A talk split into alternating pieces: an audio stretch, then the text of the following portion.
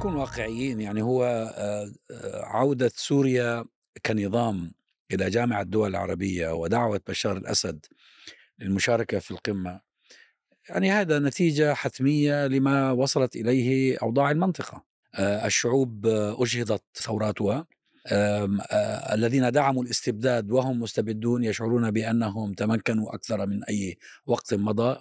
لديهم شعور بالنشوة بالرغم من إنه عندهم مشاكل هم لا شك لكن لديهم شعور بالنشوة بأنهم على الأقل تمكنوا من أكبر أعدائهم اللي هم الشعوب لأنه أكبر أعداء هؤلاء المستبدين هم الشعوب.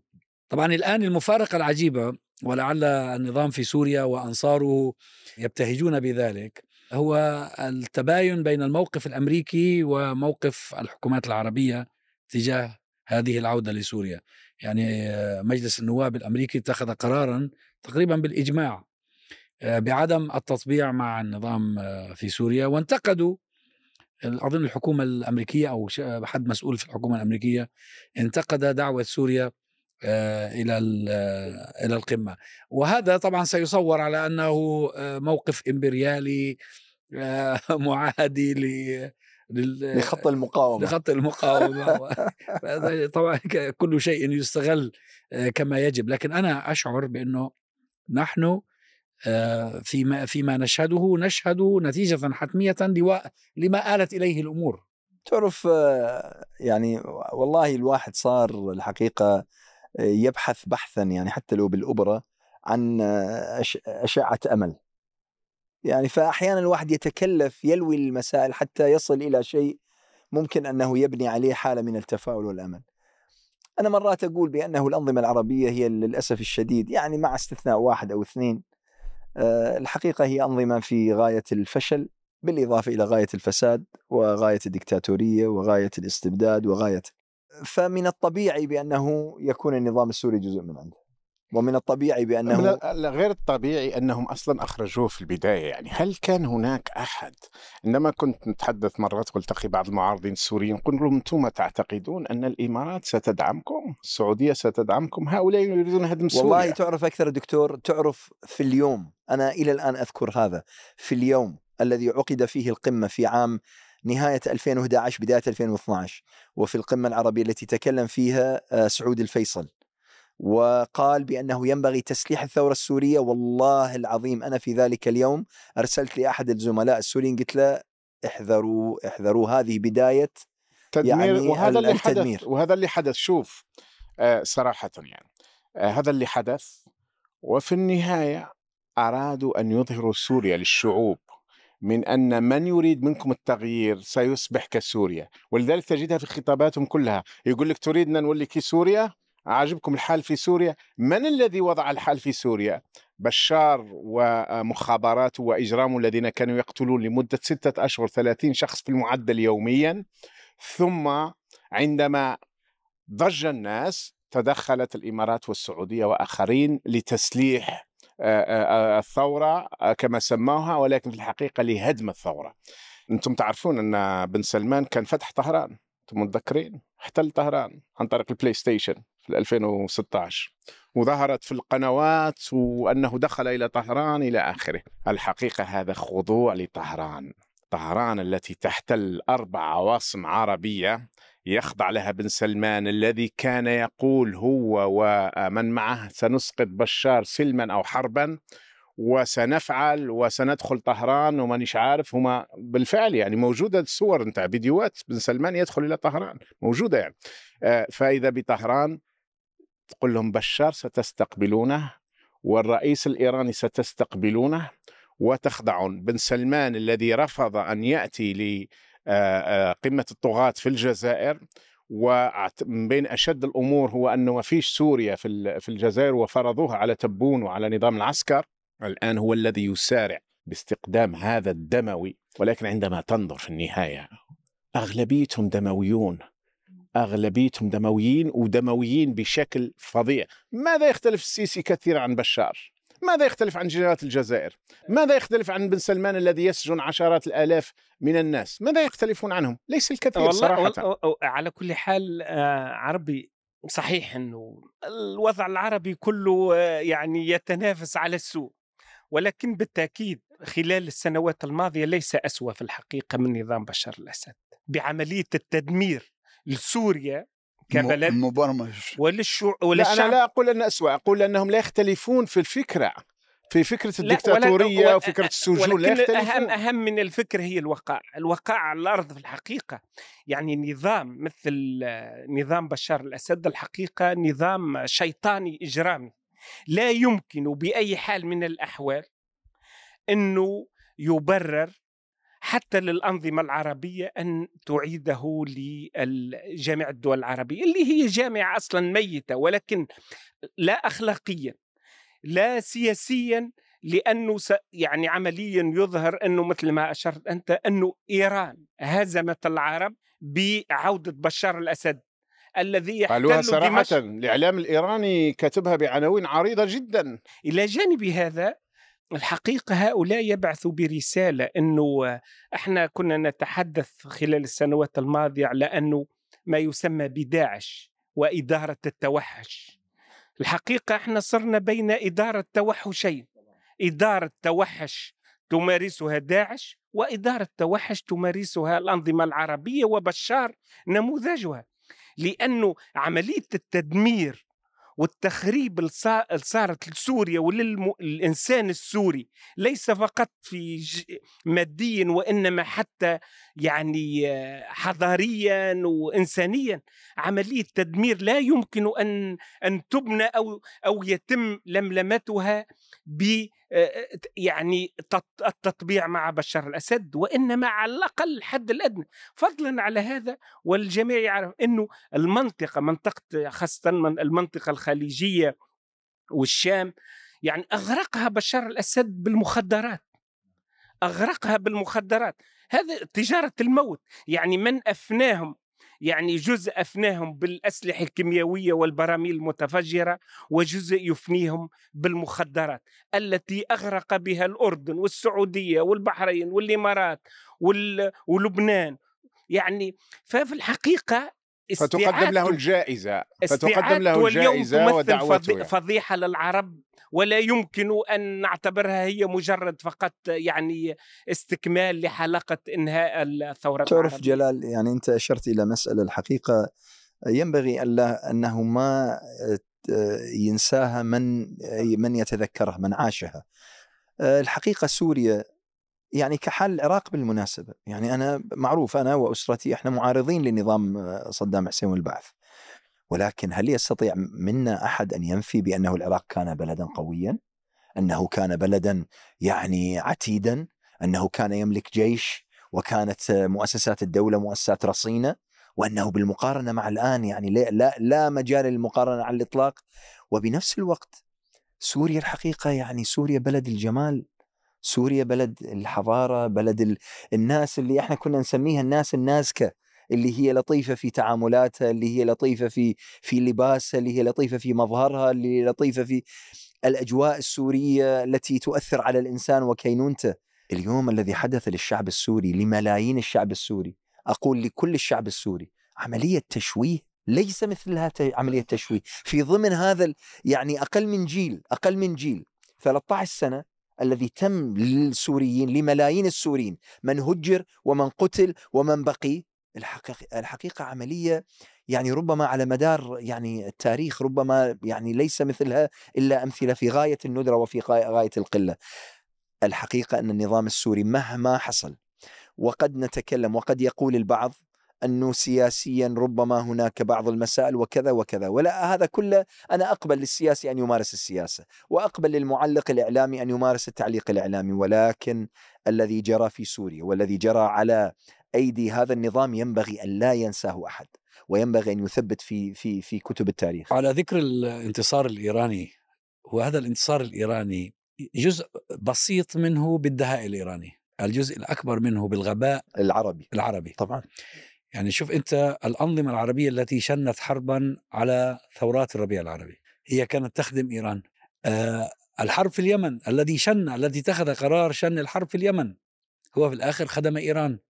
والآن بعد هزيمته في اليمن يقدم الآن القرابين يعني هو تصالحه مع إيران وما سيدفع من ثمن سببه الهزيمة المخزية الفضيحة الكبرى اللي حصلت في في اليمن. في اليوم الأول للقصف في اليوم الثاني طلع آه، جنرال سعودي يقول قضينا على 80% من مقدرات الحوثيين. يعني قضوا في اليوم في 48 ساعة قضوا على 80% وال 20% مرت عليها ثمان سنوات الآن وهم الذين يغرقون في اليمن. وانتهى بهم الأمر إلى إلى هزيمة مخزية. يريدون أن يغطوها بالتصالح مع إيران.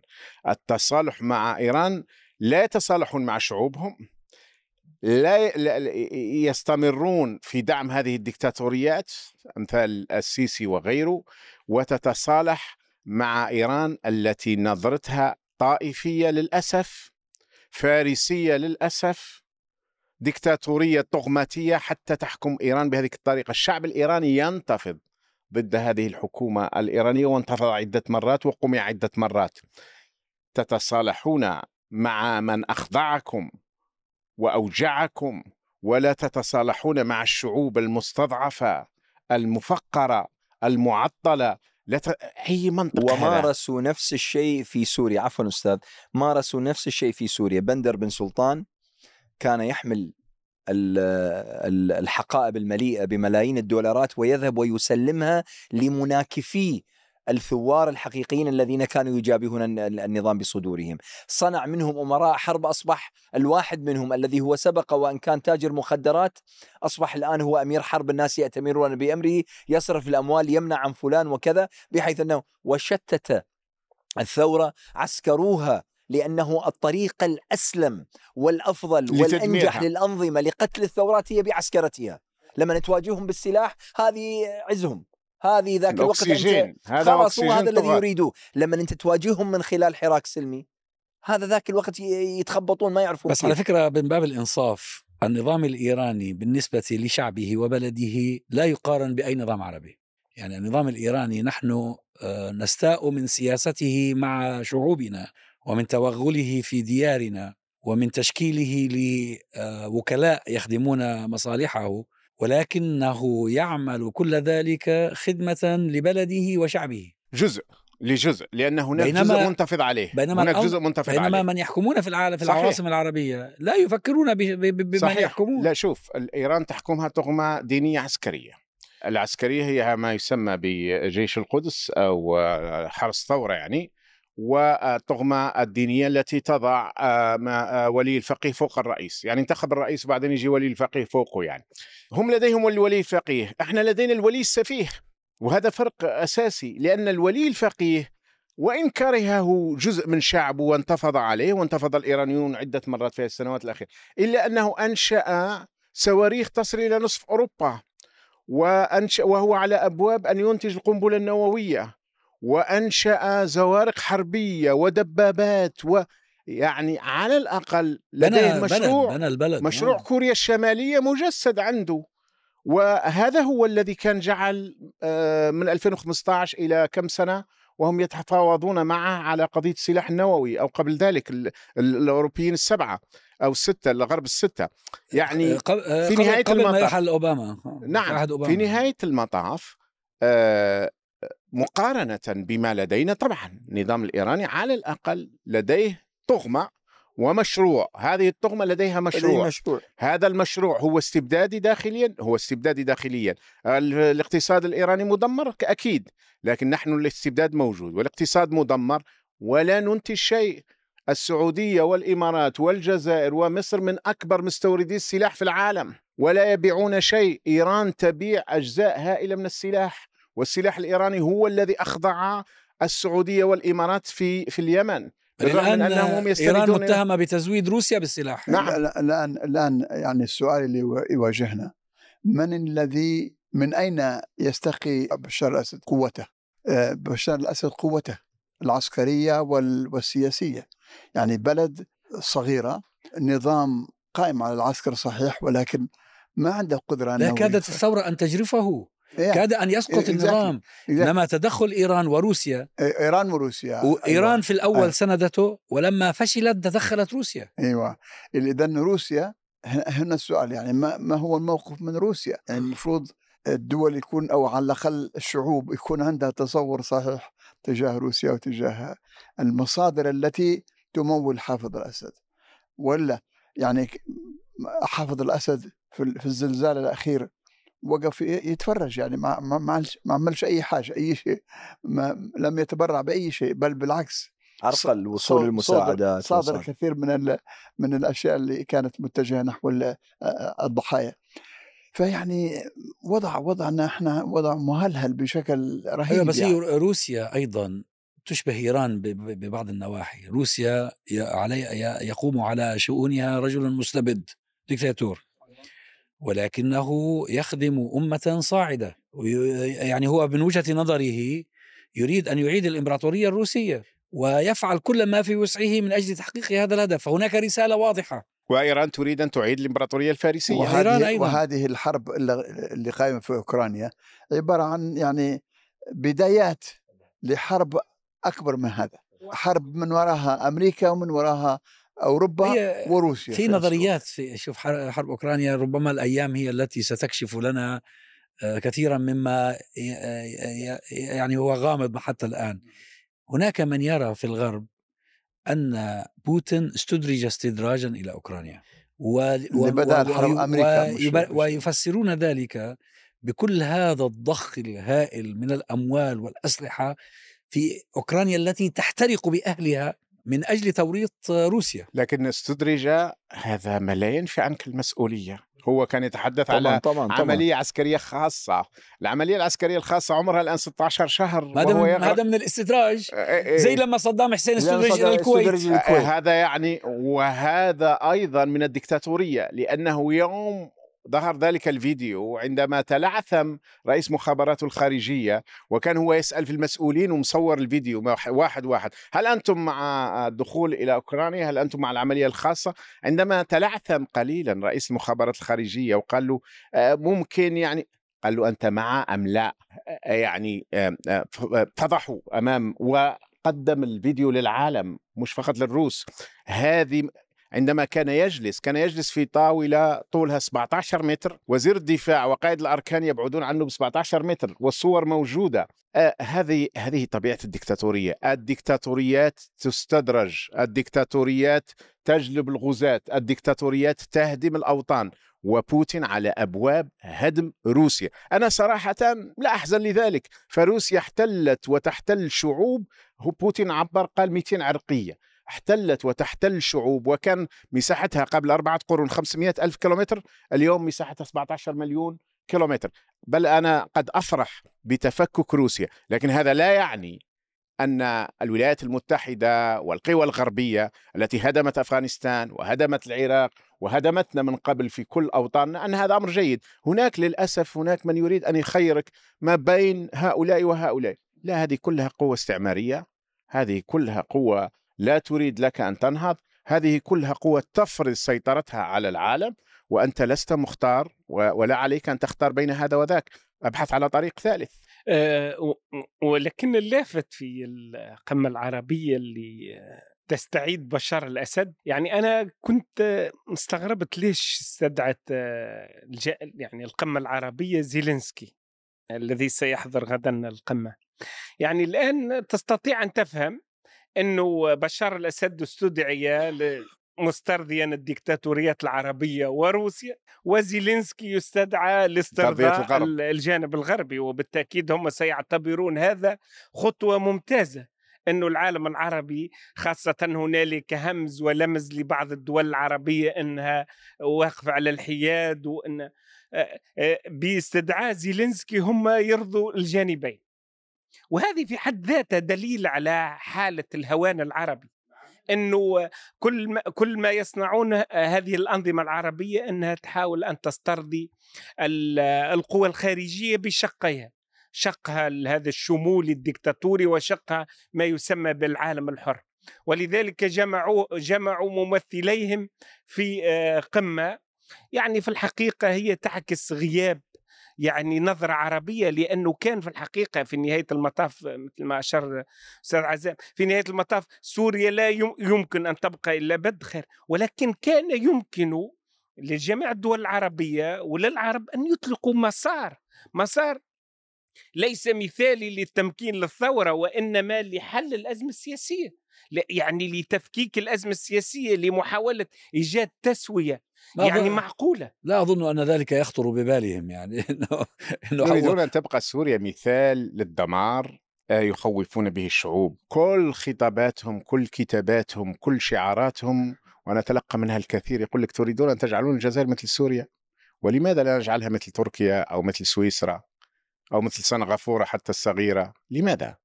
لماذا تخوفوننا بما هو عكس المنطق عكس الحرية عكس الكرامة لماذا تخوفون بذلك؟ هذه الأنظمة أنت ذكرت جلال قضية أنهم يسترضون نعم إنهم يسترضون الآخرين إنهم وكلاء وهم يعرفون أنهم وكلاء وهم يعرفون أنهم مرفوضون في الغالب يعرفون أن شعوبهم تكرههم وهم يكرهون الشعوب وإذا كانت لا تجوز إمامة إمام في الصلاة يكرهه المصلين فكيف تجوز إمامة ملوك وأمراء وجنرالات يذبحون ولذلك أو ذبحوا شعوبهم إلا قليلا؟ ليس أمامنا خيار. يعني هذا في نهاية الأمر.